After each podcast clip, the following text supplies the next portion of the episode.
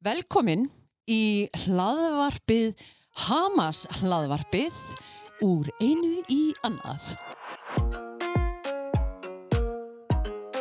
Ég heiti Margret Gauja og er Magnús Dóttir og er deildastjóri ungmennahúsa og oftar en ekki er kölluð Mami Hammer og er sem sagt, uh, má segja, forstöðu kona Hamarsins og músikumótor og sé um svona forvarnamál fyrir 16 ára eldri að hafna fara bæ. Þessi podcast sem við erum að fara að búa til er okkar leið til að kynna fyrir haffyrðingum og vonandi fleirum alltaf frábæra, skapandi, duglega, haffiska, unga fólk og setja þau á stall og, og fá að heyra og hérna hvaða er sem að kveikir í þeim, drýfur þau áfram og hvernig þau sjá framtíðana fyrir sér, hvað þau ætla sér og svona hvernig veruleiki ungs fólks í dag er. Að því að þó að ég sé nýjórðin í gær, 45 ára þá get ég algjörlega fullir það að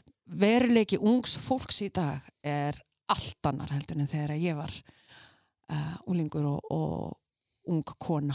En fyrsti viðmælandi minn í dag hann heitir Ásbjörn Ingi Ingvarsson Ásbjörn er uh, dásamlegur ungur maður sem hefur afrekað ótrúlega stóra og mikla hluti og við ættum að fá að kynnast Ásbjörn í dag og velkomin Ásbjörn Já, takk fyrir það. um, Frábær kynning. Já, er það ekki? Já, bara heiður að vera fyrsti viðmælandi. Já, og takk fyrir að vera fyrsti viðmennandi og hérna aðstofa mig með þetta Bara þetta. það er svo hérna dásanlegt af þér að, og alltaf hægt að stóla þér með alls konar. Og hvað þá þetta? Já, og þetta er fyrsta hlaðvarpi sem ég gerir sko. Já, ég hef aldrei gert svona aður þetta er fyrsta hlaðarpið, eða ég gerði þetta hlaðarpið spænsku verkefni, en á spænsku, en, en, en það er með þess að á Spotify. ég legg ekki meira á því, ég þarf að hlusta á það. Já, nákvæmlega. En hérna, þetta er þá bara, þetta er fyrsta hlaðarpið okkur sé. Og hérna vonandi verða þau fleiri. Að það er mjög þetta góð hugmynd. Og við erum stödd hérna í rapprými bókasafs Hafnafjörðar sem er, er hrikalega flott. Og sem gefur okkur hérna tólun og tækin og aðstöðuna til þess að- gera hlaðvörp, hlaðvörp eins og þetta. En nóg um það. Og nú, ætla, nú snýst þetta bara um þig. Nú ætla þú að segja mér hver er áspjörn? Herru, áspilni er 18 ára, að verða 19 ára núna í 20. desember, uh, strákur úr hratnafyrinum og hérna, já, sem hefur bara mjög gaman að lífinu, sko. Fóreldra þínu, að því að nú, við erum náttúrulega bara þar, skilur, þó að Hafnafjörðabæður sé þriðja stæsta sveitafélag landsins, að þá er þetta náttúrulega bara stæðsta þorp Já, landsins nákvæmlega. og fóreldra þínir eru hafringar. Uh, já, allan að pappi. Já, Pappi er mikill hafringur og, og, hérna, og þekki allir pappa og þekki allir ömmu og hérna, pappi minn er svona Ingvar Jónsson hann var í pöpunum. En vill samt ekkert vera kendu við það mikið lengur því að núna er hann svolítið búin að búa til sinna eigin nýju leið. Já, hann er núna rithöfundur já, og markþjálfi á fyrirtæki sem að heitir Propactus já, og hann er svolítið búin að, bara búin að tilenga lífin sinni að hjálpa fólki að vera best að gera hann sjálf sér. Já. Og gaman að því, en sko, Yngvar, pappið þinn, Mhm. hann er að stóri bróðir Grímos og Kalla. Já. Og eh, hérna, Grímar er jakkamóti og hérna, Kalli er hvað einu ári yngri en ég er tveimur og eru góði vinni mínir.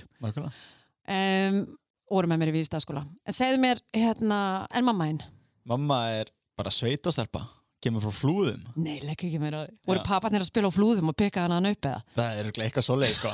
Nei, þetta er svona mjög skemmtileg saga að hérna, mamma bara bauð, bauð sér í mat. Ég man ekki alveg söguna en þetta var eitthvað þannig að pappa var nýbúin aðgerð eða var upp á spítala eða eitthvað svoleiðis og mamma bauð sér bara í mat og þannig byrjuðu þau saman og þau eru búin að vera saman síðan 2000 legg ekki mér á því. Nei, þetta er bara, já, segðu mér, þú ert sem sagt ertu elstur? nei. Nei, Ég er semst á tvo eldri bræður já, og einna er hérna býr í Keflæk já. og er ekkert miklu sambandi við hann en svo er hérna annar bróður minn sem er bara uh, báðir hálfbræður sem sagt. og hérna eldri bróður minn er Jóhann Birgir hann er Mhm. mikill aðfyringu líka, hann er í meistarhólaki F í handbólta já, uppalinn hérna hérna fyrir. Og svo er yngri sýstur sem heitir Hjördís. Ok, ég er, er svolítið bara með því en samt er ég elstur af, af sískunum sem er búa heima. Já. Hjördís, hvað er hún gömul? Herri, hún er fætt 2006 já, ok, hún er að vera 16 hluti bara næsta ári. Já. Já. en segðu mér, í hvaða grunnskóla fórstu? ég fór í Áslandsskóla en Já, ég er náttúrulega, já, ég ég skal byrja með því að ég bjóði í Danmörku í fjör ár ok, byrjaði eina grunnskólu göngu grunnskóla göngu þar frá núlta upp í þriðja bekk, kom til Íslands í fjórða bekk. Ok, og einna, var þar í Áslandsskóla öll mín grunnskóla ár. Ok, var þar formaður nefndafélags uh, byrjaði á því ég komst ekki inn fyrst, eh, þegar ég bauði mig fram í áttundu bekk. Já. en svo bauði mig fram í níundu bekk komst þar inn og, og í tíundu bekk væri síðan formaður. Ok, þraut segja. Já, og þa þannig byrjaði sko í nýjöndabæk, þannig byrjaði bara þar skrifaði minn fyrstu ræðu til þess að komast inn í nefndafélagið og kvotaði þar John F. Kennedy bara, og hef síðan alltaf notað það kvoti öllum ræðum minnum. Ég spyr mig ekki hvað nefndafélagið getur gert fyrir mig, heldur hvað ég get gert fyrir nefndafélagið. Og þetta er bara, mér finnst þetta svo powerful og frábært kvoti á hennum, en þar byrjaði akkurat mín ástyrja fyrir bara ræðuskrifum og, og áttaði með því þarna hvað ég var rosa sagt, og veitna, hef bara alltaf verið það en, en ég fekk loksins að fekk smá aðtegla þarna í nefndafélaginu og síðan það hef ég alltaf alltaf verið mikill áhuga maður af félagstörum að félagstörum. Já. Segðu mér hérna, þið bygguð sem sagt þá upp í, í Áslandi. já, byggjum upp í Áslandi og við byggjum sko fyrst í blokk Mm -hmm. þrestar á 16 Mhm. og síðan fluttum við í þrestar á 18 sem var bara hliðina þannig að þetta Ok. er mjög næs flutningadæður Og býrið það ennþá þar? nei, núna býja á völlunum Ok. fluttið þangað fyrir tveim árum En segðu mér, hérna, þú býðið fram í Áslandabæk Já. í fyrsta skipti að þú varst að springa úr hérna bara áhuga að Já. langa að taka þátt. en var ekki mennitt sjálfstyrist þá þannig ég bauð mér fram bara sem vara vara Bjössi Krull það var svolítið, það var allir bara vara vara Bjössi, eitthvað svolítið og hérna, komst ekkert inn að því að ég bara mér fannst ég ekki vera nógu góður til þess að bjóða mig fram í nefndræðið Nei, ok. og hérna og svo í nýjunda bekk þá var ég loksins komið með aðeins fleiri vinni og farin að reyja mig almennilega og svona og mm Mhm. sjálfstyrist mitt var bara komið upp og svona og þá var ég bara, herru vissi hvað ég gerir ránt í Mhm. fyrir kostningum og vissi nákvæmlega hvað ég vildi gera í setni Ok. og þetta endaði semst þannig að ég kom í ræðinu mína Mm og strákunni sem kom í ræðinu eftir mér hann sagði bara uh, já bara það sama áspilt sagði og þannig að hérna, þannig að ég vann þessar kostningar bara mjög uh, bara öruglega Ok. og já, þa þannig byrjaði þetta Og síðan, hérna, varstu það, líka virkur í félagsmiðstöðinni upp í Áslandi? já, algjörlega, ég mætti hvert einasta kvöld Í alvöru? já, bara, og ég var í semst, var, var líka skemmtir, skemmtir nefnd þarna á þessum tíma og þú veist, elskar félagsmyndina En sko, varstu ekki í neinum íþróttum? Varstu bara að æfa eitthvað sjálfur? Þú ert ekki handbólta, fótbólta, Jú, ég var, var handbólta þarna sko og þannig Ok. kynntist ég bestu vinnum mínum og ég svolítið, það er svolítið þeim að þakka ég sé áspilnin sem ég er í dag af því ég var í tveim vinnahópum Mm -hmm. og einn af þeim var svolítið svona mikið tölvuleikjum og var ekkert mikið að socialisera en svo var hinn svolítið íþrótta vinnahópurinn og ég fór svolítið þangað því ég hafði bara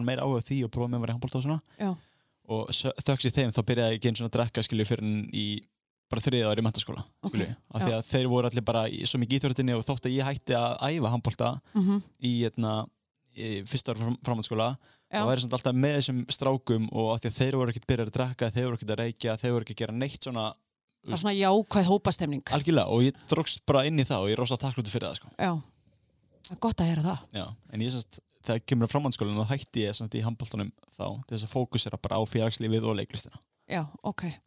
En segðu mig samt, svona, þegar þú horfið tilbaka og þú varst þarna formaði nefndaráðs í tíundabekk í Áslandsskóla og og hvað, hvað læriður? Hvað, hvað var það svona, gerðist eitthvað innra með þér þarna sem að kveikti enda frekar í þér eða hvað svona tekur út úr þeirri reynslu engungu? Sko, mér varst bara svo gaman að vera í ábyrrastöðu og mér varst geðveitt að fólk að trist á mig að, veist, að, þarna fannst mér líka bara af því að ég hef aldrei verið góður í íþróttum ég var bara í íþróttum út af félagslega aspektinu Já, en þarna var ég svona ég fann alltaf fyrir því að ég væri góður í félagslífi, félagslífsmálum bara. Já. og þannig að fólk skilju hort upp til mín og sagt svona, að næst áspilnir að gera þetta svona. Mm mér langar að gera það líka. Og, og, og, og það var svona, fannst ég loksins vera svolítið svona main karakter mér er svo fallegt þegar þú sagðir á þann, þú veist, það áttæði maður hvað ég var í aðtiklisjúkur og svo bara talar um það eins og það væri bara alveg eins og vera bara, þú veist, ég veit það ekki, bara kvefaður. Þú veist, það var svo eðlilegt. Ég meina ég er það bara og við náttúrulega erum aldrei bara bæði, bæði aðtöklusjúk og. ADHD og allt það besta. Já, já, við erum alveg bara með báða þessa ofurkrafta Nákvæmlega. en þegar ég er að alast upp sem úlingur þá var það mjög neikvætt Ég meina maður hefur náttúrulega, maður fær alveg eh, sína, eh, sína, hérna, eh, bara haters, þannig sé skilju. Og það er ég meni, ég var rosa pyrrandi krakki og það var náttúrulega svolítið, hérna, ro- bara, vá, allir sem þekktu mig bara frá 5. upp í 8. og 9. bekk bara fyrir geði, skilju ég var bara alveg óþólandi en, hérna, en síðan náttúrulega bara þróskasmaður og þá Já. ver- nær maður að kúpla niður aðteglis, hérna, síkina, þannig séð En Já, því meina- þú líka fannst kannski vettvang fyrir allar þessari þörf og Já. fegst útrás. Nákvæmlega, ég fekk þessu útrás, ég fekk aldrei þessu útrás fyrir þannig að um leiðum að fekk hana þá var maður svona aðeins bærilegri svona. En Mér finnst líka að, að mér finnst að- við eigum að fara í herrferð Mhm. þar sem við eigum að hérna, endur skilgreina orðið aðteglisjúkur og það er jákvætt. já, Það er jákvætt að vera aðteglisjúkur. Að að, að það er fólki sem að, fer og gerir eitthvað. Og, Mhm. Já, algjörlega og þetta svona verður svona taumhald á fólki. Man, þetta var alveg bara, djöð, hún er svo aðteglisjúkur. Nei, nei, nei, nei, þetta var svona svo neikvætt, sko. Sérstaklega ennþá bara með stelpur Já. Ég meina það er miklu öðuldur að vera aðtiklisjúkur strákur það er bara, "Ah, þetta er bara áspiln en ef við leiðum bara aðtiklisjúkur stelpa þá er maður líka orðin stjórnsum og það er svona þreytt bara eðst, Bara frek og þreytt Já, og, maður og þarf að klála að breyta þessu skilja því að ég meina Ég ég, svo fein að þú sagðir það en ekki ég. Ef ég hefði sagt það þá hefði verið eins og ég var að vælunda því, sko. Nei, alls ekki en þetta er bara staðrind. Já, og ég meina maður er alltaf fengið eins og bara ef við tölum um núna var ég hérna, formaður í nefndafélaginu Flensborg, spólum svolítið þangað þá fekk maður samt alltaf að frétta að þegar það voru tvær stelpur undan manni Mm -hmm. sem, sem óttiðar Mm maður fekk alltaf að heyra að hún er svo stjórnsum og, og, hérna, og frek og bla bla bla þetta er náttúrulega, Mhm. maður þarf bara að vera það en ef það er strákur þá er hann bara, að hann er svo Ákveðin. já, bara Framhleypinn. hefni og bla bla bla, bla skiljum bara, æ, veist, þetta er bara þetta er að breyta sem betur fyrr Já, og þetta er að komast inn um umræðina Ég veit það. En þetta er ekkert endilega, þú veist, bundi bara við eitt kynður ekki stráka, þú veist, stelpur, við erum líka, við erum vestarís. Hvernig við tölum niður kynsistrók. það er enginn sem að baktalar meiri stelpur þetta en stelpur sko Nei, ég veit það. Það er þannig því miður. Já. En þú tókst ákvörðinu að fara í Flensborg? nei, Nei. ég tók ákvörðuna Úps. um að fara í Vestló Ok. komst ekki inn uh, og þá hérna, komst inn í uh, var Flensborg sem var að valja mér og það hugsaði með mér bara ok, fuck uh, beep, uh, en hérna bara ég kom inn í Flensborg og mér langaði ekki að vera í Flensborg. Nei. en ég sótti um í mörgum nefndum og, og komst ekki inn í neina nefndir og Á fyrsta ári? jú, ég, veist, málið er að ég kom, sótti um í ykkur áttanemndir skemmt og grillnefndin og allt þetta. Ég komst ekki inn í neitt af þessu. Og svo var ég ein nefnd átti eftir að heyri mér og það var bóksala. Viðtalið í bóksalinn gekk óksla vel tengt óksla mikið við kolpin Mm og þá, og bara komst inn í bóksöluna og þá var ég bara ok, ég, kom, ég er í Flensborg og ég mun ykkur bara vera í Flensborg þannig að ég ætla bara að gera það best úr þessu Upplifður miklu höfnum þegar þú komst ekki inn í Vestló? ég, þetta, já, ég gera það mikla og ég hafði lágir á þessu því að náttúrulega Vestló eina ástæðan okkur mér langaði að fara þarna var því ég var svo business center þar og mér langaði og svona, af því það náttúrulega eru bara pappastrákur í Vestló Mm -hmm. maður langaði að líða tengslaneti þannig að ég fekk alveg svona, vá, hvað er ég að gera núna skilju Já. Og mér fannst ekki vera nógu Sjá góður þetta fyrir þér á framtíðina, alveg bara. já og líka bara, á ég hefði kannski að læra meir í grunnskóla og bla bla bla, bla skilju En nú þegar þú ert búið með framháskóla, hvernig, þegar þú horfið tilbaka, var þetta láni óláni eða? Já, algjörlega. Ég meina, ég, ég náði að fókusera meira á það sem ég vildi gera Mhm. og minna Flensborg er frábær skóli Mhm. og hann náttúrulega er svolítið tossaskóli, skilju, þannig sé að fær það orðspör á sig, en Hann er með alla flóruna. já, þú Er fær, nákvæmlega það sem þú setur í þetta í Flensborg, skilju, ef þú vilt veist, þú getur þarna, þú getur fengið bara frábæra þarna ef þú leggur það á þig Mm og svo getur maður líka bara, maður getur líka komist í gegnum Flensborg án þess að reyna að selja mikið á sig Já. og ég fann svolítið þannig að svolítið jafnvægismúnt bara þarna -hmm. sem ég náði að leggja vel á mig, náði að klára þetta þrem árum en ég Mhm. náði líka að vera skilju, í leikriti, náði að vera aðalhutu ekki tveim leikritum, náði Mhm. að vera formaður tveim nefndum og náði að vera ótöðið skilju, samt útskast á þrem árum með mjög góðar einhvern.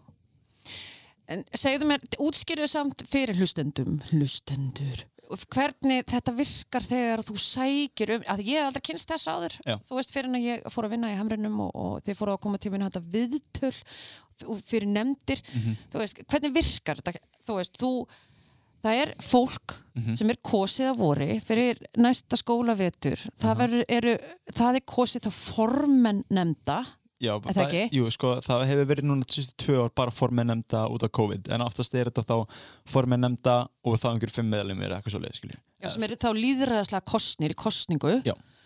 og síðan er líka viðtöl Já, fyrir nýnema Það Já, af því að nýnema viðtöl. nýnemarnir hafa ekki séðan sá að komast Nei, inn í kosning. þessar nefndir Mhm. af því þeir eru náttúrulega glænýr Mhm. og, ok, og þá er bara tekið viðtöl og það er náttúrulega mjög mismændi eftir nefndum en oftast er maður bara að leita af einhverjum aðeila sem maður sér getur, að getur unnið bara vel með fólkinu sem er í nefndinni. Já, þannig að já, þetta er svona smá svona þú veist, ekki beint hérna hvað eru, popularity contest ég skilja, þetta er, vinsaldakostning já, þetta er ekki beint vinstakostning en þetta er samt svona, veist, ekki endilega besti maðurinn í starfið en Já. bara svo sem maður getur unnið mest með Já. skilju ok, en er ekki líka hort svolítið svona, þú veist, segjum til dæmis að- að formaðurinn og þessi fimm sem eru kostnir þetta er bara allt strákar, er, er ekki verið að reyna líka að horfa eitthvað staðar á kynja Jú, jú, eins og hlutvöld við vorum bara strákar í stjórn já, þá þurftu að fá já, en svo eins og fannst mér svolítið leðilegt að eins og ég var klálega eh, veist, ég segi þetta núna bara kannski tekur þessu einhver sem eitthvað svona ego-trip eða eitthvað.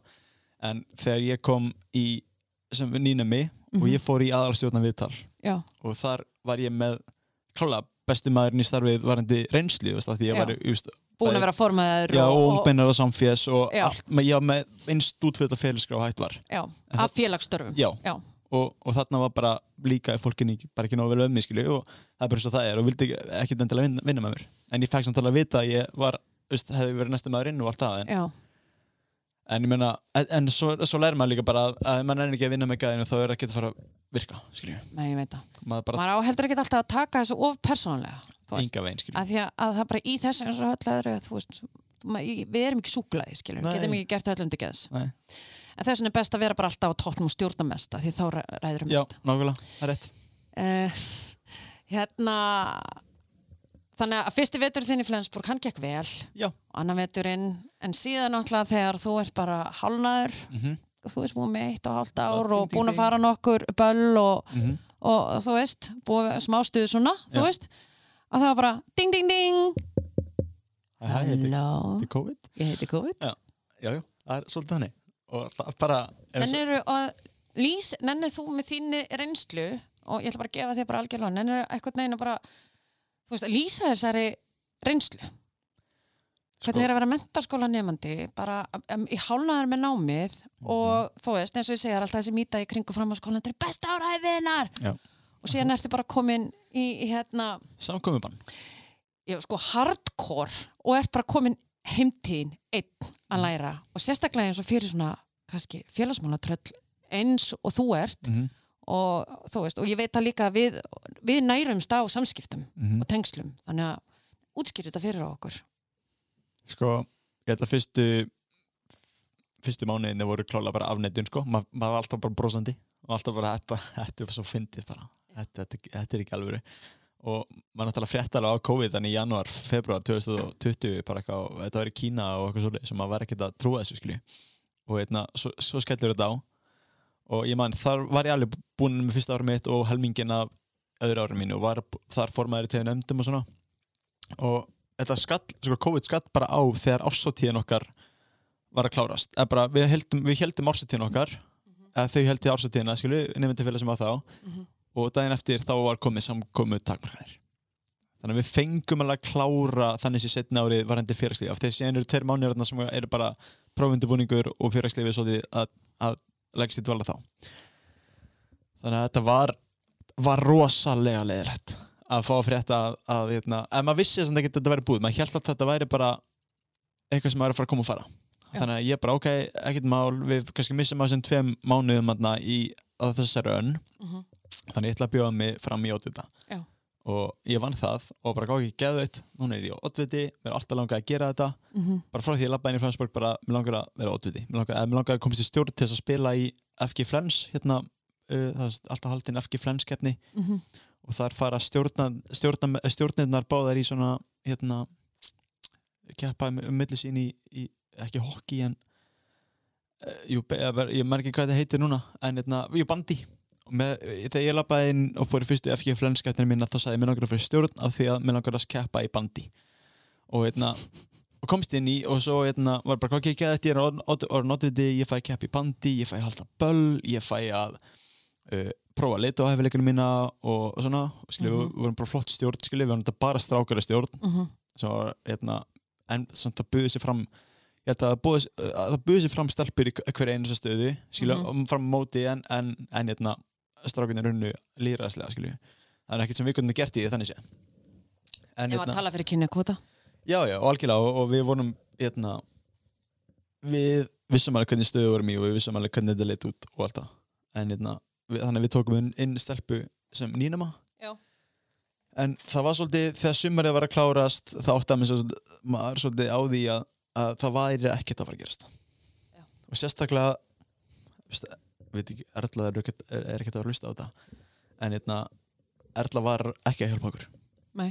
Veist, hún náttúrulega var bara að gera sitt hlutverk sem skólastjóri og, og vildi náttúrulega ekki fá neinn smit í skólan Mhm. en það var bara hver einasta hugmynd sem við komum fram með og þótt að við vorum með þau rauka að aðri skóla var að gera þetta veist, eins og að halda nýnama dag með bara hópaskipt skilju bara nei, nei, nei, nei, nei þannig að við vorum í rosa vondumálum og sérstaklega að því að mórallin var orðin rosa liðlegur hjá nýnamanum þegar komum svona mánu, tó mánu inn í önnina Mhm.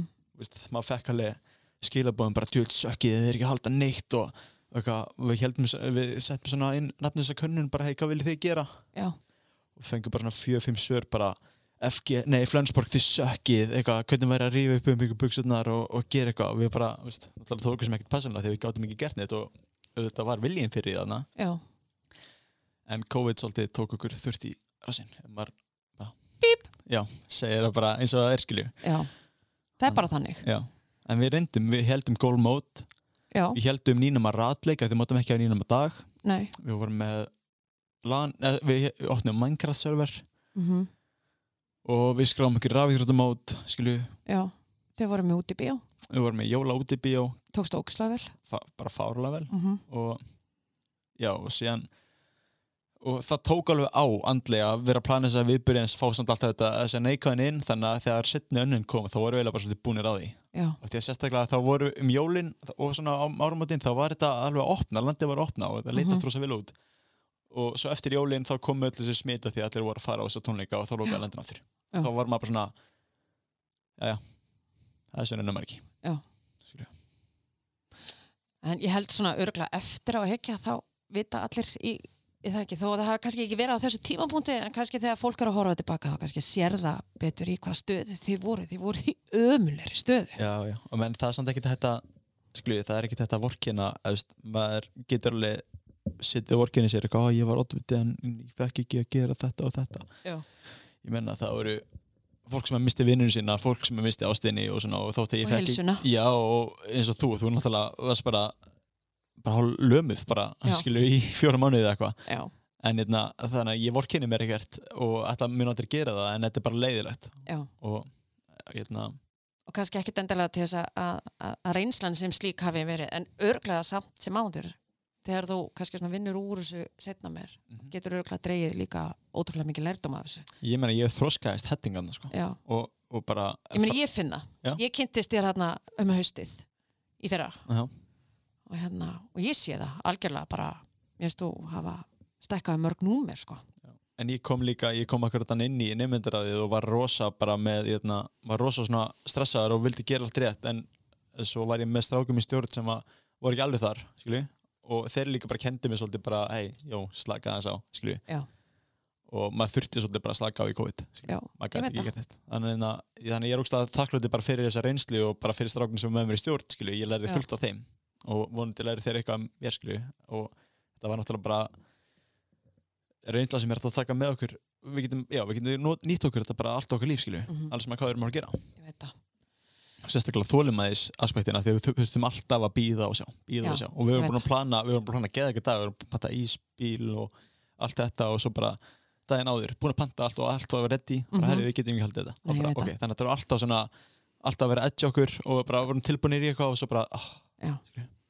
Ég finn það líka til dæmis eins og þú veist, þín kynnslóð og hún er orðin sko brjálaðislega fær í væntingastjórnun. Já, og hérna, ég upplýði það sterti ég fór með Rósu sem er 15 ára og við fórum til útanda núna í fermingaferðin hennar og til Amsterdam, hún byrjaði ekki að pakka fyrir tveim klukkutíma ára við fórum.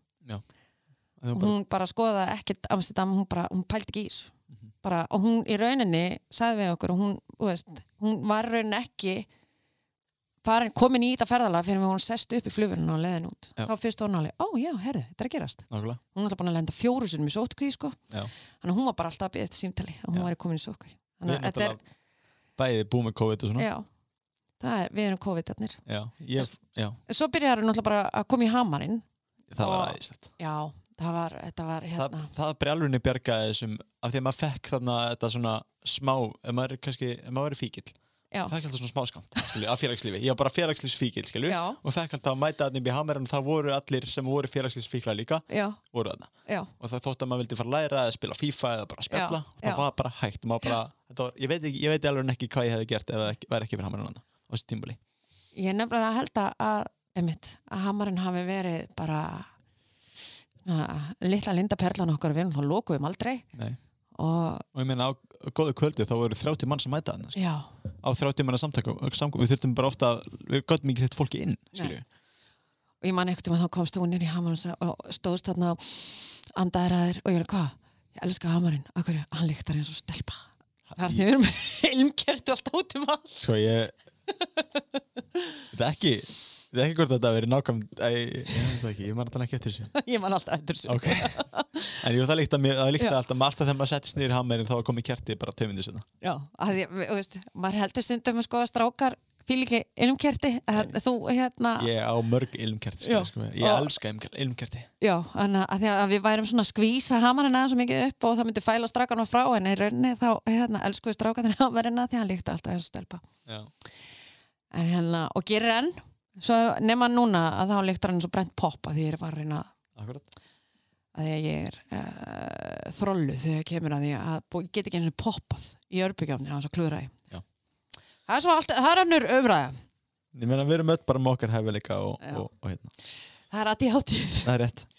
En hvað svona, hérna, fyrir utan þessa reynslu sem oddviti og hérna, og þurfa að takast á við örgulega eitt félagslega, þú veist, að standa í brunni, vera bara skipstjórin fyrir félagslífi risastórs framháskóla, þú veist, Mm. mm. á tímum það sem að, að það verður aldrei sögu Flensborgarskólans verið, þú veist, í svona aðstæðum. Það er náttúrulega, veist, þetta er svona eins og að vera bara skipstjórun á Titanic, sko. Mhm.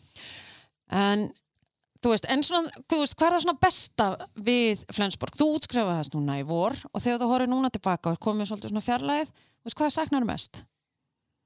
Ég bara sakna þess að hitta fólk sko eins og það er núna en síðan að það er náttúrulega bara frábæra Flensborg að wow, það er svo rosa mikið að mismunandi fólki þarna að alveg sama hverju þú ert það myndi alltaf finna þinn hóp Já. bara í alvegni, alveg sama og við erum, við erum með starfsbreytaðna þannig að ef þú ert með einhver svona, eða svona ekki, ekki bara námsæruleika þetta er að ert eitthvað bara öðruvísi skilju í Já, bara fatlaður með Já, sér þar verið eða eitthvað. nákvæmlega með bara sér þar að vera þá getur samt fundið þinn hóp þarna Já, eða skilju við erum með nördana við erum, Mhm. skilju, og ég var klálega einn af þeim og uh, ég fann mér svo sérstaklega vel aðna því ég er svo hluti af þessum mörgum hópum ég er Mhm. íþróttagæðin, ég er elska tölvuleiki en ég átti bara mjög mikið af vinumandi sem ég tengdi við og það var æðislegt já. og ég saknaði þess rosalega mikið Hvað myndir þú þá segja varðandi, þú veist, útskrifast á þreymur árum? Nú ert þú ennþá átján ára, þú ert orðin stúdent Mhm. og þú tókst á ákvörðun að fara aftur í skóla, Já. bara beint eftir útskrift Mhm. og ert núna að læra engaþjálfaran Mhm. í keili til þess að undirbúa þig fyrir kýrópraktornám en þú ert búin að missa þetta, svona, þetta félagslega skilur Já. þú, þú, þú ert ekki formaður nefndafélags keilis Nei. skilur og hérna og, og, og veistu, þá er ég að velta fyrir mér að því að sko sjálf, sem er mjög fyndið að þegar að ég var virk í pólitík að þá talaði ég fyrir stýttingu framháskólans mm -hmm. eitthvað neginn og ég veit ekki að hverju, mér fannst eitthvað neginn svona, en síðan í dag þá er ég, ég, ég er ekki talið viss sko, ég er ekki talið viss um þetta hafi verið svona frábær ákvörðun. Ég held að það er svo margir eitthvað neginn sem útskrifast á þínum aldri. Og þetta er síðan bara í eitthvað svona svart hól ekki neins, gerast bara launþör fara að vinna og fara svo bara heim til sín. Og það er eitthvað neginn ekkert sem tekur við nema kannski það að fara að djama um helgar. Þetta er náttúrulega mjög tvíþætt. Ég er rosa þakklútið fyrir því að það ger mér bara kleift að fá fórskot á já, en svo áttur á móti þeir sem að vilja vera lengur í framhaldsskóla allan eins og í fjölbrytaskólum já, þeir geta. Já, meina, það það eru, ég held að, ég veit ekki nákvæmlega prósendu en það var alveg örgulega mjög jafnt og þeirri prósendu sem útskrifast útskrifast ekki núna, Mhm. skilju og það er bara því að mér langaði, ég vissi hvað, eða ég vissi, ég veit þetta ekkert hvað ég ætla að gera en ég er með stefnu núna, Mhm. skilju og ég vissi bara, að, ok, ef ég næði útskrifast núna á þreim árum, þá er ég ára undan öllum öðrum, mm skilju, og mér finnst það bara frábært, en aftur á móti og ég var líka bara komið nóg, skilju ég var búin að fá mitt eitna, að ég var búin að fá allt og mikið af þessari vendingum og, og tekið að mér burt og ég er bara komið svona nóg af, af eitna, nóg af framhanskóla Ok. mér fannst þrjú ár bara vera mjög gott Já, skilju, og ég er þú veist, þannig að já, já, þetta er mjög öðruvísi núna í keili. Af því en að, maður þarf þá líka kannski bara svolítið að, einmitt, að hvetja fólk sérstaklega eins og, og sem að upplifir að það að taka stúdsprófið þreymar árum sem bilaðslegt álag það, bara, þetta er allt í læg þú mátt líka við bara útskrifast að þreymar hálfum já, nákvæmlega. Þú veist, ég útskrifaði stutt á einsás að ég var árinu á eftir ég var í hvern nótt, það var stúdsprófið fjögur ár og ég var árinu eftir að því ég þessi skiptinni mig Já. þannig að þú veist, ég var algjörlega komið bara, ég, veist, ég útskrifast ólétt. Ég var orðin svo, fannst ég vera orðin svo gömul. Sko, þarna langar mér líka að tala bara um þessum pappa sem er bara eh, mín stærsta fyrirmynd. Sá maður er ekki ennþá búin framhanskólan en hann Nei. er samt með masters í business. Uh -huh. hann á fyrirtæki, skilju og það gengur rosalega vel hjá hann Já, en hann, og víst, málega er hann bara að vera í framhanskóla og fannst það bara gaman og svo hélt hann bara áfram að vera í bara svona þannig sé ruglinu. Bara Mhm. þá getur hann var 30 eða hvort það verið 35 ára eða eitthvað svolítið nei, ég er bara, bara færtur þá ákvæm hann bara, herru, ég ætla að byrja í masters skilju, ég ætla bara að læra viðskiptafræði. Og bara var valinn stúdent á þér í Copenhagen Business School sem er bara Mhm. frábært afreg og stofnaði þessi degi fyrirtæki og það gengur bara ógsta vel núna. Þannig að mórðin þessari sögu er bara þú þarft ekki að drífa þig Nei, og það er ekkert endilega, þú veist, það að læra eitthvað og verða eitthvað, þú veist, það er, ekki eitthvað bara svona lína Nei. sem verður að fylgja. Þú veist, ég og tvo bræður, ég er miðjan Mhm. og ég og, og eldri bráður minn erum bæði komið með mastersgráður og ég hef alltaf gert þetta rétt. Mhm. Ég hef farið alveg bara réttu formúluna nema það að ég egnaði spattan á milli mentaskóla og há- háskóla. En sko, en síðan á ég lí- lítinn bróðir og þú veist, elsti bróður minn er núna að vinna fyrir litla bróður minn. Mhm. og hann er ekki einu sinni með stúdspróf sko, litli bróður minn. En hann á risastór tölvuleikja fyrirtæki í Berlín. Já. og hann er öruglega án ef að sko, langa efnaðastur á okkur öllum. Og ef mælir sko velgengni þannig skilur, þá er hann búin að taka sko hressilega fram úr bæði og, og sko okkur öllum sko.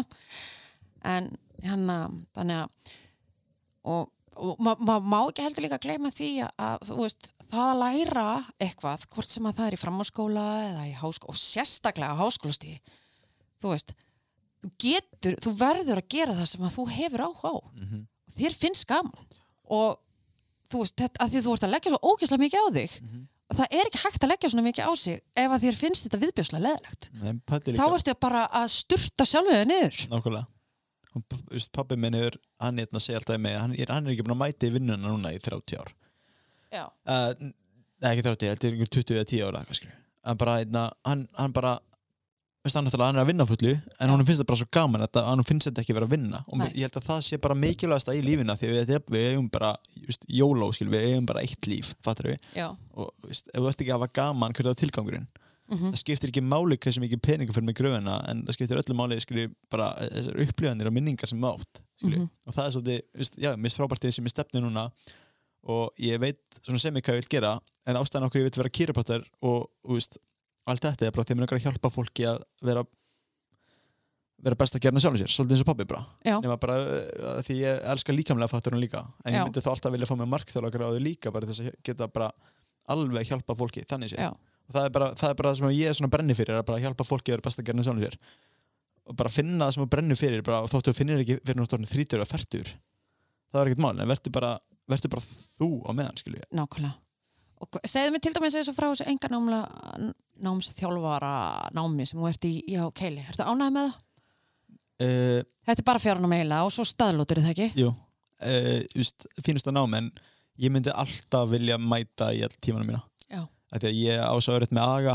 Eða, veist, ég, ég er alveg náðið skilju en mér er svo erfitt að fara núna bara ok, núna ætla ég að setja sér fram með þaluna og Mhm. þetta er bara fjarnum allt aftur. Þetta er bara eins og ég sé samkomi, bara ennþá í samkomi takmarkanir skilju af því ég er ekki að hitta fólki sem við námið þannig sé. Já.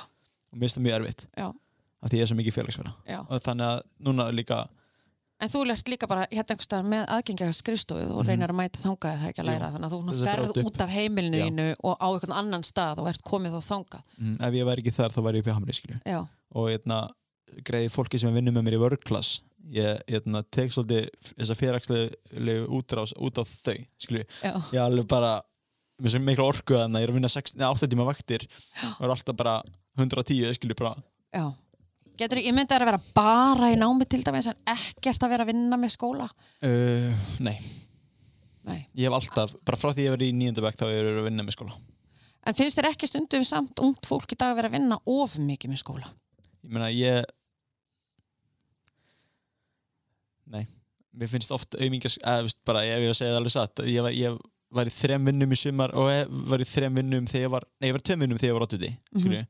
var samt Já, mér finnst bara þú veist, svo þarfti náttúrulega ekki að vinna þannig sé, þú veist, ef, þú veist, mér- ég bara ég finnst gott að trýta mig þannig sé, Já. skilju, og mér finnst gott að borða þannig ég þarf pening til þess að borða og ég finnst gott að geta bara haft svona frels, fjárhagslegt frelsi já, þannig að þá bara vinn ég meira Já. ég vinn bara og ef maður, veist, ég er alls ekki skipulaðist að gera Nei. alls ekki og skilju, kann ekkert að skipulega mig en ég næst samt alltaf að fytta þess inn og Mhm. haft tíma fyrir alls konar meira þannig að En ég, ég til dæmis vann alltaf í tveimur vinnum líka þegar ég var í Kvennu, ég var að vinna í Ragbónum og McDonalds á Östræti. Legg ekki mér að, ég veit að ég var vakstjóri, ég kom með alla stjórnur og allt, vá, ég veit það. Og hérna, sko, ef að fólk að hérna úti hef vorkinni mig fyrir það að hafa unnað á McDonalds, það okkur skemmtilegast að vinna sem ég unni, það var náttúrulega bara líka fólki sem ég vann með, það var Mhm. ógeðslega gaman hjá okkur. En það, var, það bitnaði samt alveg stundum á skólanum, skilur. Já, já, veist, ég var alveg að, kúka á mig hann á tífumbilja því að ég var, varð aðeins á peningagráðu en það var líka mjög dýrt að djama. Já, en þú náttúrulega ræður þessu sjálf. Ég veit það og, Og- það er líka eitthvað svona sem að þessi umræði sem að maður þarf að taka þú veist. Að, þetta, ma- að ungt fólk verður líka að læra að, þú veist, þetta jafnvægi sko. Já, en segðu mér, en síðan er aftur á móti önnur hlið að, af áspinni þú, þú ert, hérna, þú ert svo mikið þú, þú veist.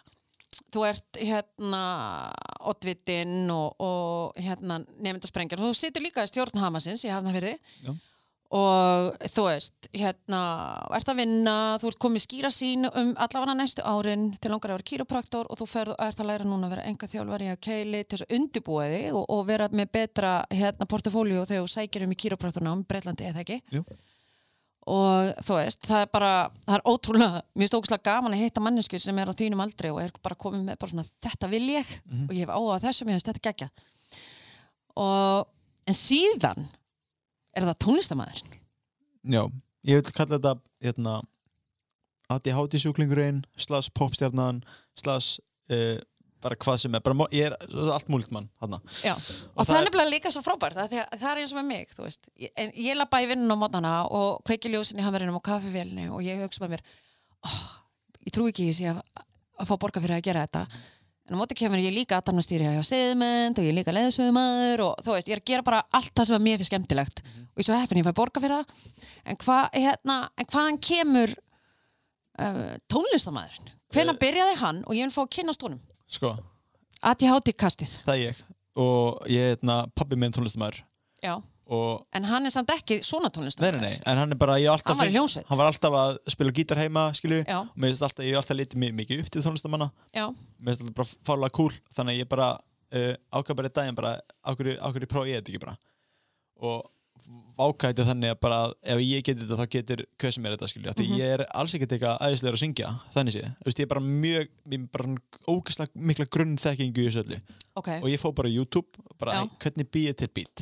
ok. hvernig bý ég upp vocals læri það, ok, hvernig mixa ég þessi vocals Og lærir þetta bara alltaf YouTube. Já, og svo bara hvernig ger ég, læti ég mig hljóma aðeins betur og svo bara var þetta, ég byrjaði í bekk, eða tíundu bekk á þessu. Já. Þetta byrjaði sem sagt þegar við varum að taka upp ársýtjæmi band Ok, og við varum að gera ársýtjæmi lag og það var félagin, já, Já. það var félagin sem hundi Gabriel og hann kynnti mig fyrir tónlist. Hann var að búið Ok. til beat sjálfur Já. og við byggum til ársýtjæmi lag frá Mhm. grunni, sungum inn á það og svo eftir þá byrjaði ég að Gabriel hittast meira og við byggum til lög saman. Og þetta eru hræðileg lög. Ég, bara þetta er alveg ömurleg lög og ég bara, ég hef aldrei hlustað á neitt jafn slæmt þegar maður voru hlustað tilbaka en svona var þetta fyrstu tvö árin og ég fór og ég giggaði á- í Sebergskóla með Nico og Gabriel og þetta sagt, var þannig að Er það Gabbi? já, Já, ok. og þetta var þannig að hérna, Eiríkur kult félagi minn hann sem sagt var í, hérna, búin að gefa út nokkuð eða eitt lag eða eitthvað og var að gigga í, nei, í hérna, Víðastaskóla Ok. Hann heyrir í mér samdægur bara, hei, viltu til að, viltu, ég verði að vera að gera tónlist viltu koma með okkur, viltu taka eitt tölög Ok. ég bara, ok, já, eh, senda Gabriel hei, Gabriel, erum við með eitthvað lag tilbúð Mhm. hann bara, nei, ok, en hvað með þetta lag? Lag sem við byggum til kvöldi á þér. Hann bara, já, en það var svona breytt vers á þessu. Þannig að þennan dag þá byggum við til annar vers og bættum Nico við inn í, inn í þetta og lítum hann syngja vörð sem ég hef búin að gera. Þannig við vorum þrýratna, kunnum vallatekstan og þetta var svona rapplag bara höllu, höllu Nikolas hefur aldrei sagt mér frá þessu. Ég vil alltaf ég að koma í baki á honum núna. Og þarna vorum við og ég hef bara aldrei sé jafn döðastemmingu, þarna vorum við að reyna að vera rapparar og þá stóð þetta bara að horfa á okkur sem vorum bara, sko, vorum bara að trúða samfélag Íslands. Og mættir að reyna að gigga og, og eitna, þetta var bara einn og svo vorum við bara eftir á löpum baksvis og vorum bara, Shit. Já, bara sagði ekki neitt og við vissum bara allir nákvæmlega hvað gerist þarna við bara skitum í buksunar og þarna, þarna gaf, gafst ég upp að vera rappari og langaði meira að vera svona, svona pop söng eitthvað skilju, Ok, pop söng rap sem er svolítið bara rappi í dag. Já, Þannig ég fór bara meira að pæli að skrifa svona melodýr sem er hægt að syngja með. Ok. Skilju, og þaðan kemur og svo spólum bara fram í tíman ég er alveg hættið tónlist því að Gabriel er meira rock gæi mm en ekki rap pop. Ok, þannig að við hættum svolítið að búið tónlist saman. Já. Og spólum fram í annaður framhanskóla það kynnist ég Loga félag minnum og hann býr til tónlist. Já, og svo kynntistu hérna píanónu nýri Hamri. Ég heldur við kvikt í því einhvern tímann Já. Ég var svo þreytt, þú var- alltaf að spila það. Var alltaf að æfa mig á píanunir í Hamri og ég just, þetta er bara þetta er svo mikið, ég heyr einhvern veginn að herran hétu sem er að segja þetta í podcasti skoðanabræðanum bara ekki, ekki gefa út stöfið sem varst að byrja á að gera. Skilur bara ekki gefa út tónlist sem varst að byrja á eða bara nýju tónlistina ok, Ei, hann orðar þetta náttúrulega miklu betur og svona en bara ef þú ert að nýbyrjar tónlist ekki gefa út fyrsta lagi sem er byrja til. Nei, búið til svona 20, 30, 40, ég vil 100 skilur lög. Ok. Og eftir þetta 100. lag þá kemur eitt gott lag. Svo gerur 100 lög viðbútt kemur annað gott lag. Ok, og ég menna ég er örugglega búin að búa til svona 200-300 lög skilur. Já, sem, og eða bara melodýr eða svona það sem er eitthvað að raula. Og svo, þessi komu sex lög eða átta lög eða eitthvað sem er mjög veist allir lagi. Ok. Og þau komu út á plötunni sem ég gátt hana Já, þú ert sem sagt ekki orðið 19 ára gammal Nei. og þú ert búin að gefa út áttalaga plötu. Já. og þú gafst út lag Já. fyrra á þessu ári Mhm. sem að heit, og Bad- heitir Bad, Bad Bitch Soleil og það er bara það er spilað. Já, já. Það, það, ég meina, það gengur rosa vel með fyrstu plötu. Ég, ég kom með einhverja 20.000 hlustanir á plötuna núna samtal skilju og mér finnst það bara, 20.000 já, og mér finnst það bara frá e, það er bara 1920 mikið. já, á frá, Spotify. Já, á Spotify. Og mér finnst það frábært bara með við fyrstu plötu. Og þú ert bara búin að gefa út plötuna þína á Spotify?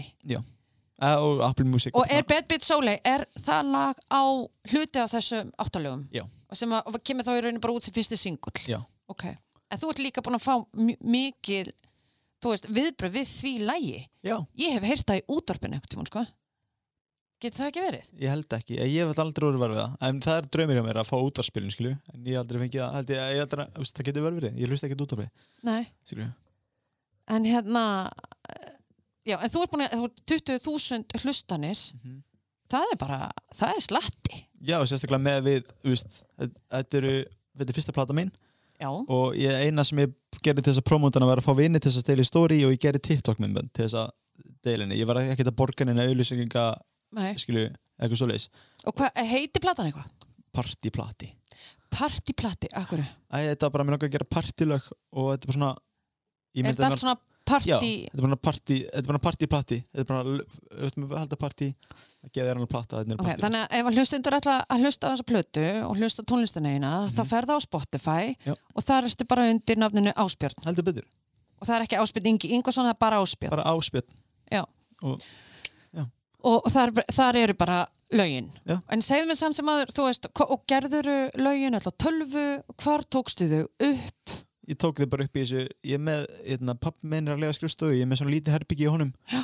og það er bjóstu bara til lítið stúdíó þar. Já, þarna fekk ég bara hátalarna hjá logafélagi minum uh, mækin á Birki félagi minum uh, softverið hjá Gabriel. Þetta er svona rosa mikið bara allstaðar að. Mm og svo er ég bara búin að vera þarna núna síðustu síðustu tóm mánu árunum platan kom út þá var ég bara frá svona sexum kvöldi til þrjum nótt að taka upp aftur og aftur og aftur þessa helviti sömu rödd. Það skilju, maður var bara, maður var að vera brjálæður á sig skilju, ok, þannig á milli þess sem að þú ert búin að vera að undirbúða fyrir prófi í grindabósveðum að þá ertu búin að vera að taka upp plötu? Já, bara einn? Er, þú, það er engin annar sem kemur að plötunniðinni nema þú? Veist, ég, þú ég semur aftur. Tekur þetta upp, spilar.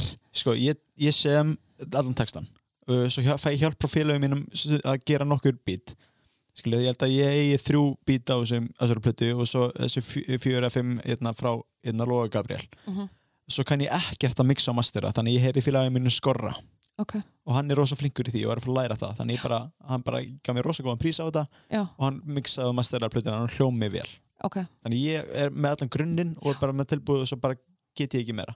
Þú veist, ég geti örgulega að horta á einhverjum YouTube-myndbætt það myndi örgulega taka mig vikur að læra þetta. En En, en akkur en þú hefur ekki gert neinn myndbönd? Nú er til dæmis ótrúlega færi að búa til myndbönd og hefur gert til dæmis eitt fyrir hamarinn sem var bara alveg snild. Mhm. af hverju, af, er engin myndbönd? Jú, get ég ekki verið að horta á því eitthvað starf sko ég ger eitt tónlistamyndbætt dansa og syngja ég ger eitt tónlistamyndbætt en svona þegar að segja það var það bara svolítið í flýti okay. Mér langaði ekki bara að gera tónlistamyndbætt en ég gera tónlistamyndbætt og þetta var bara ég og ein myndaver og já og félagið mér sem tók þetta upp fyrir mig. Skilju. og, það er, til dæmis er einn af þínu leyndum hæfileikum það er það að þú ert ótrúlega fær líka að búa til eh, myndir Já. og myndbönd og þarna kemur bara þetta er hérna, fært að mínum styrtaræðala sem er ADHD ég fæ bara svona allt í ofurkrafturinn. Ég fæ bara svona, mér langar að búti tónlist þannig að ég býti tónlist. Já. og ég, það er sem, ég er svo þakklúti fyrir að vera með aðdeglisprest og er líka að dúer. Mm þannig að, ó, mér langar að læra að búti myndbönd hóra myndbönd um hvernig maður að búti myndbönd -hmm. og læra það bara, Já, því þú hefur líka áhuga á því. Já, þá getur þú, þú lært það. Já. En svo eins og þegar kemur að ég þarf að læra til beinin líka það er bara það er bara, já, akkurat ég bara langar bara, mér langar að sapna sko, en maður, svona íti að því ég veit núna veit, er ég með sína það hvernig að þetta mun líta út í lokin ég veist, ég með fram, sem er kýraplattur og hjálpa fólki Já, þannig ég, veist, ég geri þetta en eins og ég væri miklu fljótur af þessu ef ég hefði áhuga á þessu. Já. og ég er með svolítið þannig óvikraft að ef ég hef áhuga á einhverju þá er ég mjög fljótur að læra. Ég finnst að við erum að búið til svona rauðar silki, svona skikkjur Mhm. sem ástendur ADHD Já, flott. Og þú fær bara svona skikkju nema þú sést með ADHD þetta er ofurkraftur Þetta er sko. það, en þetta er líka rosalega bölvuna að maður getur verið að að fara að læra eins og bara í gær, ég ætla að fara að læra fekk ég notification og var í símanum í tvo tíma á þessu áttum að því Já. skilurðu. og það bara, já, ég ætla að fara að læra og þá var tínu bara, líka gær, þá var ég byrjað að læra svo fæði ég símtala frá eiginmannum mínum hei, áttu ekki að vera mættir í vinnuna ég bara, jú, herri, já og ég ætti að skila 20% verkefni hann minnetinni Mhm. og ég var að vinna frá 8 til 11 mættu svo í vinnu og ætla að fara að klára þetta verkefni en náði ég ekki Nei. Þetta er bara, þetta er blæsunubölvun Já, þetta er náttúrulega algjörlega bara svo að það komið fram að þá er ég líka greint með hérna ADHD en ég er samt sko hérna ég hef uh, upplegað það mjög stert sko, verður þetta, þú veist, hætt að drekka og, og reykja og bara all, allt svona óheilbrygt að þá, og svo náttúrulega er maður svo mikið öfgamannski að maður fyrir alltaf öfgarnar í hináttina sko. það er líka svolítið ADHD en ég aftur á móti upplifið það að þú veist að það hendar ADHD-inu mínu rosalega vel. Að hérna passa upp á svefnin þú veist, og reyfa mig. Þú veist, ég hef aldrei verið mikið fyrir að, að reyfa mig, nú er ég allt hínu bara orðin sjúk í það að það lætur mig líða svo vel. Og þú veist, ég verð svo skýr í hausnum einhvern veginn. Og meðan ég er að hlaupa að þá er ég bara að leysa alls konar verkefni í hausnum sko. þannig að, að ég bara ég vildi, ég vildi, það er svo margt sem ég veit í dagspjöld sem ég væri svo ógæslega til í að vera á þínum aldri. Og þú veist, mér langar svo að eiga samtal við 19 ára gamla mig. Já, já. og bara, þú veist, og taka mig kverktaki Mhm. og svona yfir hálsin þú veist, bara fast. Og þú veist, það er svolítið sem ég þarf að segja þér. Viltu ekki gera þetta og þetta og þetta? Já, ok. og ég vildi að en svo náttúrulega lærir það þessu já, auðvitað ger maður það. Já. og þú veist, svo þarf maður líka bara þú veist, að fagna þessu. En svo er þessu gott dæmi með ADHD ég fíla rosa mikið svona zombie þætti. Og það er bara að vera í vákætti töf og þá sá ég bók, ég aldrei lesið bók eða minnið, skilju fyrir þetta. Svo bara Nei. svona How to Survive the Zombie Apocalypse. Og ég las þessa bók á tundum já. en það líka því að- hún vakti svona Já, sjúkun á er það var áhugi, ekkert já, mál sko. ég fekk bara svona, vá, við langar að lesa þetta. Og las Já. þetta bara. Og þá fór- ferðu í superfókus. Já, og svo aftur um að við að le le lesa bók um Snorri Sturluson og bara svona Já. Já, þú veist þannig að þetta er, þetta er svo rosalega misjæmt Já, það var svona, hérna, ég á, á vinið þegar við vorum í pólitíkinni, þá vorum við kannski sitjandi á reisastónu landsfundum hjá ákveðin stjórnmálaflokki og síðan byrja að tala um hagmál og þá veist, og eitthvað bara hagkerfið og efnahagsmál og eitthvað og við vorum alltaf bara hérna, þykist alltaf að vera svoandi. Nákvæmlega, Náði engri tengingu eða fókus. Svo þegar maður þarf að mæta í, í, grunnskóla þegar maður mæta í þrefaldan samfélagsfræði tíma Já, drefti mig ekki. Já, og það bara, það En hvað, hérna, þú svona verandi uh, ungur aðli með svo sannlega puttan á púlsinum og, og, og víða og, og ert, þú veist eins og segir svona mörgu vinuhópum og, hérna, já og veist, ég get ekki beðið eftir að hún ringir í mig þetta en segja, hei, makka hvað ég viltu vera kostingastjóri minn? En hérna og ég minna segja já, þú veist alveg bara á, á, á punktinum áspilt bara svo að viti það. Robert. En hvað, hérna, segðu mér samt svona aðeins, þú veist, hvað, hvað heldur þú þegar þú horfir yfir sviðið? Að, a, hver heldur að afleðingar þessa ástand sem að við lifum í verði á ungt fólk, kannski eftir tíu ár, þú veist, og b, hver heldur þú að sé svona helstu áhættur og verkefni sem að, að ungt fólk í dag í bara íslensku samfélagi þurfa að takast á við? Og sé hvað mætti til dæmis hafnafærabær sem er hérna nafli alheimsins og við elskum og dyrkum og dáum og líður vel og viljum hverja annars að vera. En þú veist það má alltaf gera góða hluti betri. Og veist hvað getur hafnafærabær gert meira og betur fyrir ungt fólki hafnafæri Eða að byrja á A? Já. ég man ekki einu sem sjálf hvað það var A. Ég man ekki uh, djók A var, já, COVID hvernig heldur þú að ungt fólk muni koma út úr þessu COVID-ástandi eftir tíu ára ef þú ættir að vera Nostradamus Herru, ég hérna, held klálega bara mm, sjálfstæði skilju? bara fólk verður miklu sjálfstæðar af því að það þarf þarf að gera hlutina allan að sérstaklega fjarnámsfólkið það þurfti bara að fá smá sjálfstæði og, og aga þess að byrja að læra skilju? þannig ég held að það muni vera sjálfstæðara Já. og og Lett segir sjálfsaga já, og líka Já. bara vendingastjórnunin skilju, þarna Mhm. bara, veist, og ég held að við eins og ég eh, núna, við erum miklu rólegri yfir hlutunum bara skilju Já. og, og, og bara lifa meiri í núinu og því að framtíðin er svo óviss Já. skilju, sem er svo sem ekkert endilega neikvætt nei, alls ekki bara ánáttúrulega bara verið lífið í núinu en eins og svona hvað er það svona í okkar samfélagi sem að, eru er slæmt fyrir ungt fólk hvað þurfum við að fara að tækla og tala um. Samfélagsmiðla og notkun.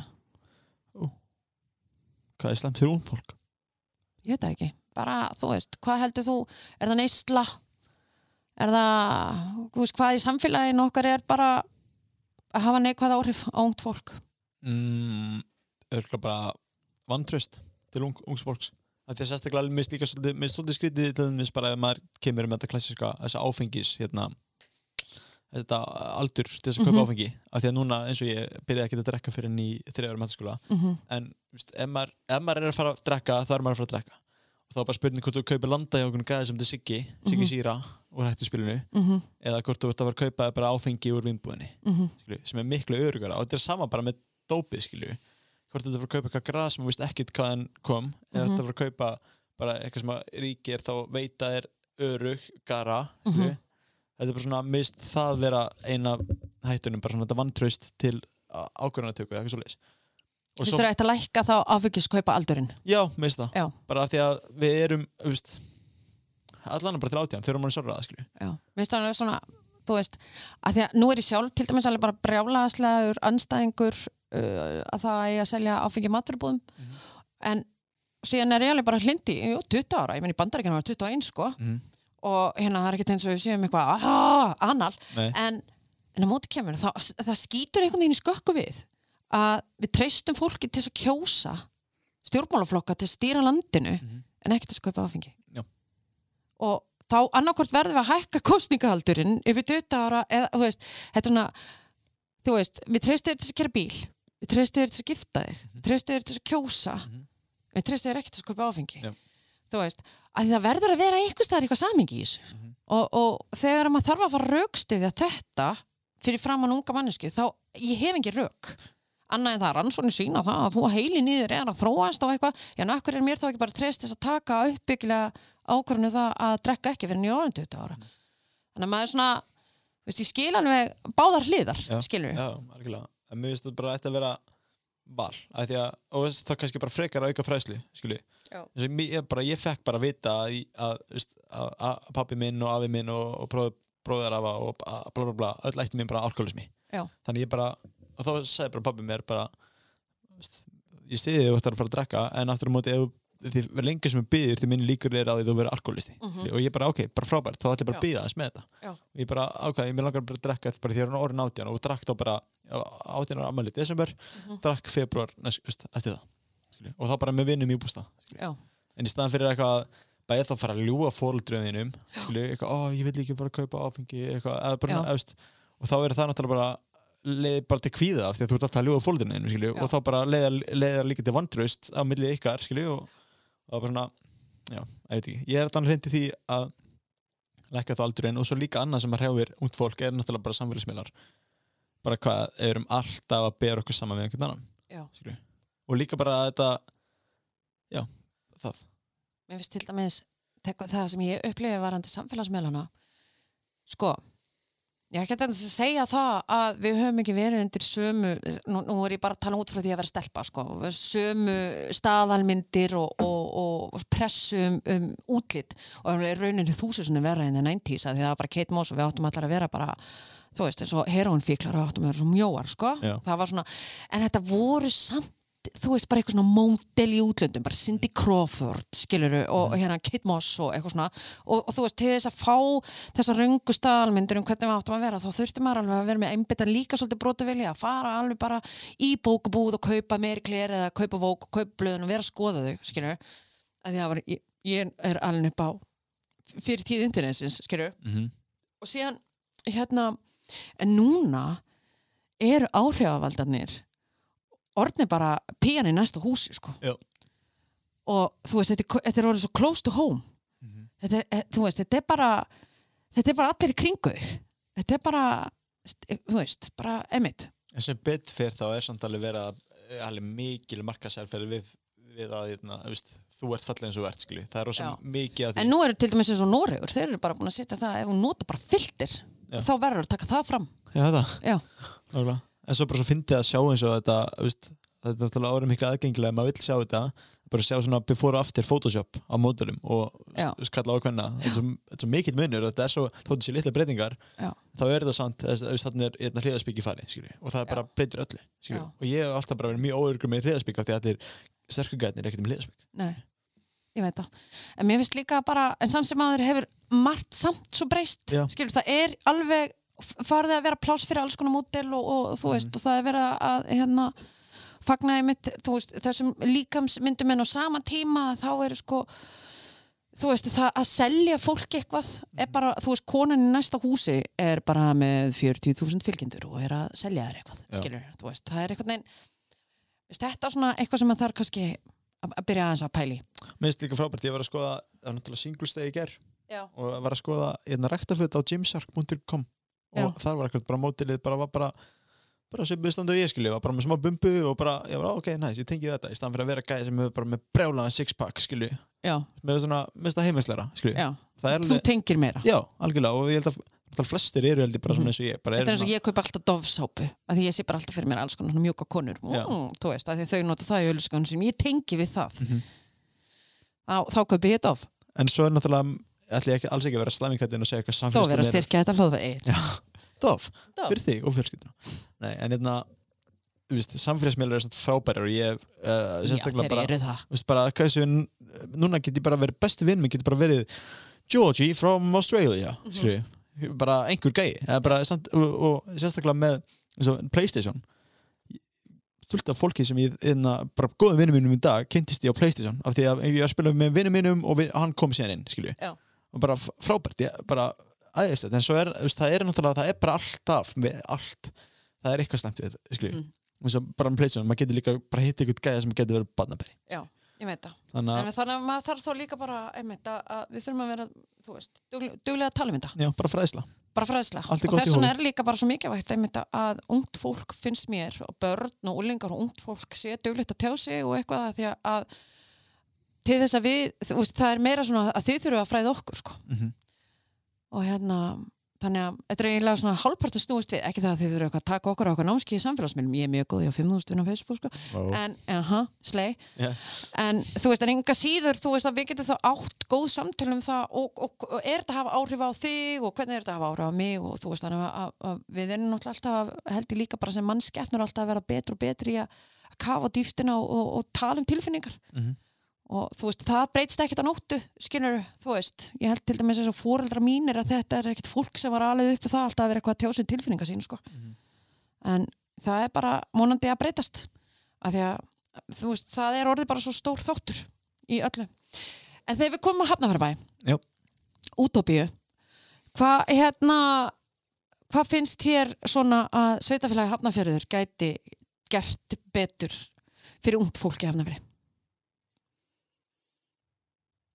Uh, Stúnt fólk eru að tala um 16-25 ára Já. Ok uh, Bara, veist, ég veit ekki, mér finnst þetta Já, við erum með miðbæ mér finnst, veist, fárlegt að sé bara veist, í einu staðstæða húsnæðinu í miðbænu með bara eitthvað húsgagnavæslun Nýform. Já, það sem að gæti verið bara eitthvað, allt annað Hefur eitthvað tíma séð eitthvað inn í nýform? Ég hef aldrei séð þetta inn í nýform Ekki heldur, þetta er eitthvað rosalega skrítið. Já, og mér finnst einhvern veginn vanta hmm, mér finnst vanta bara meiri við náttúrulega erum með hamarinn og það er svolítið eitt, en svo erum náttúrulega með félagsmyndstar fyrir kunnskrökka Já. og við erum ég veit ekki, ég náttúrulega hef bara verið ungmenni þegar COVID Já. þannig ég veit ekki hver ég er að missa af hvort það hafi verið eitthvað inn á undan áður fyrr. En mér finnst einhvern veginn bara vanta eitthvað svona stað sem að krakka geta heist eða eitthvað skilju og þannig að það er allir bara fara núna neyri bæ neyri Reykjavík, skilju, að það er ekkert um að vera hérna eftir klukkan tíu okkur nema bara bæjabí og það er oftast bara tónleikar fyrir fólk sem er 30 pluss Mm -hmm.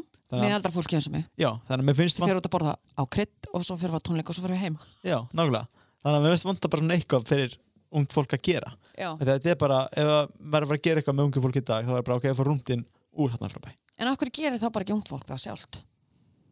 þetta er bara frumkvæði í það, og svo bara, veist, ef það er rúndin þá er maður að fara á Ríðunes, skilju í, hérna, á Seldöðanesi Ríðunes? já, kalla Ríðunes, þetta er það sem er er hérna, skilju og svo Er það kalla Ríðunes? já, að mér að kalla Ríðunes og Snapmaps.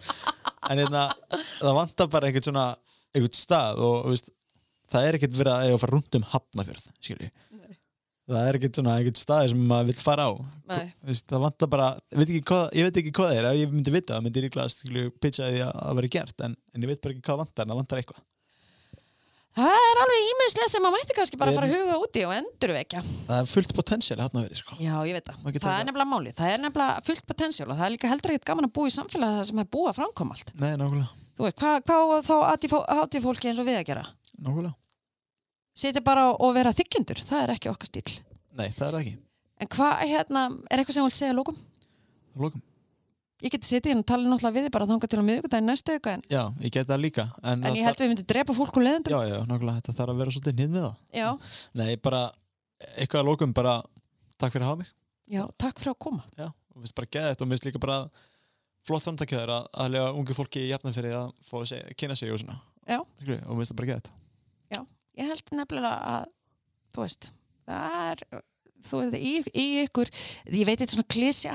Þú veist, í, ykkur, fremtíðin, eitthvað svona, þú veist.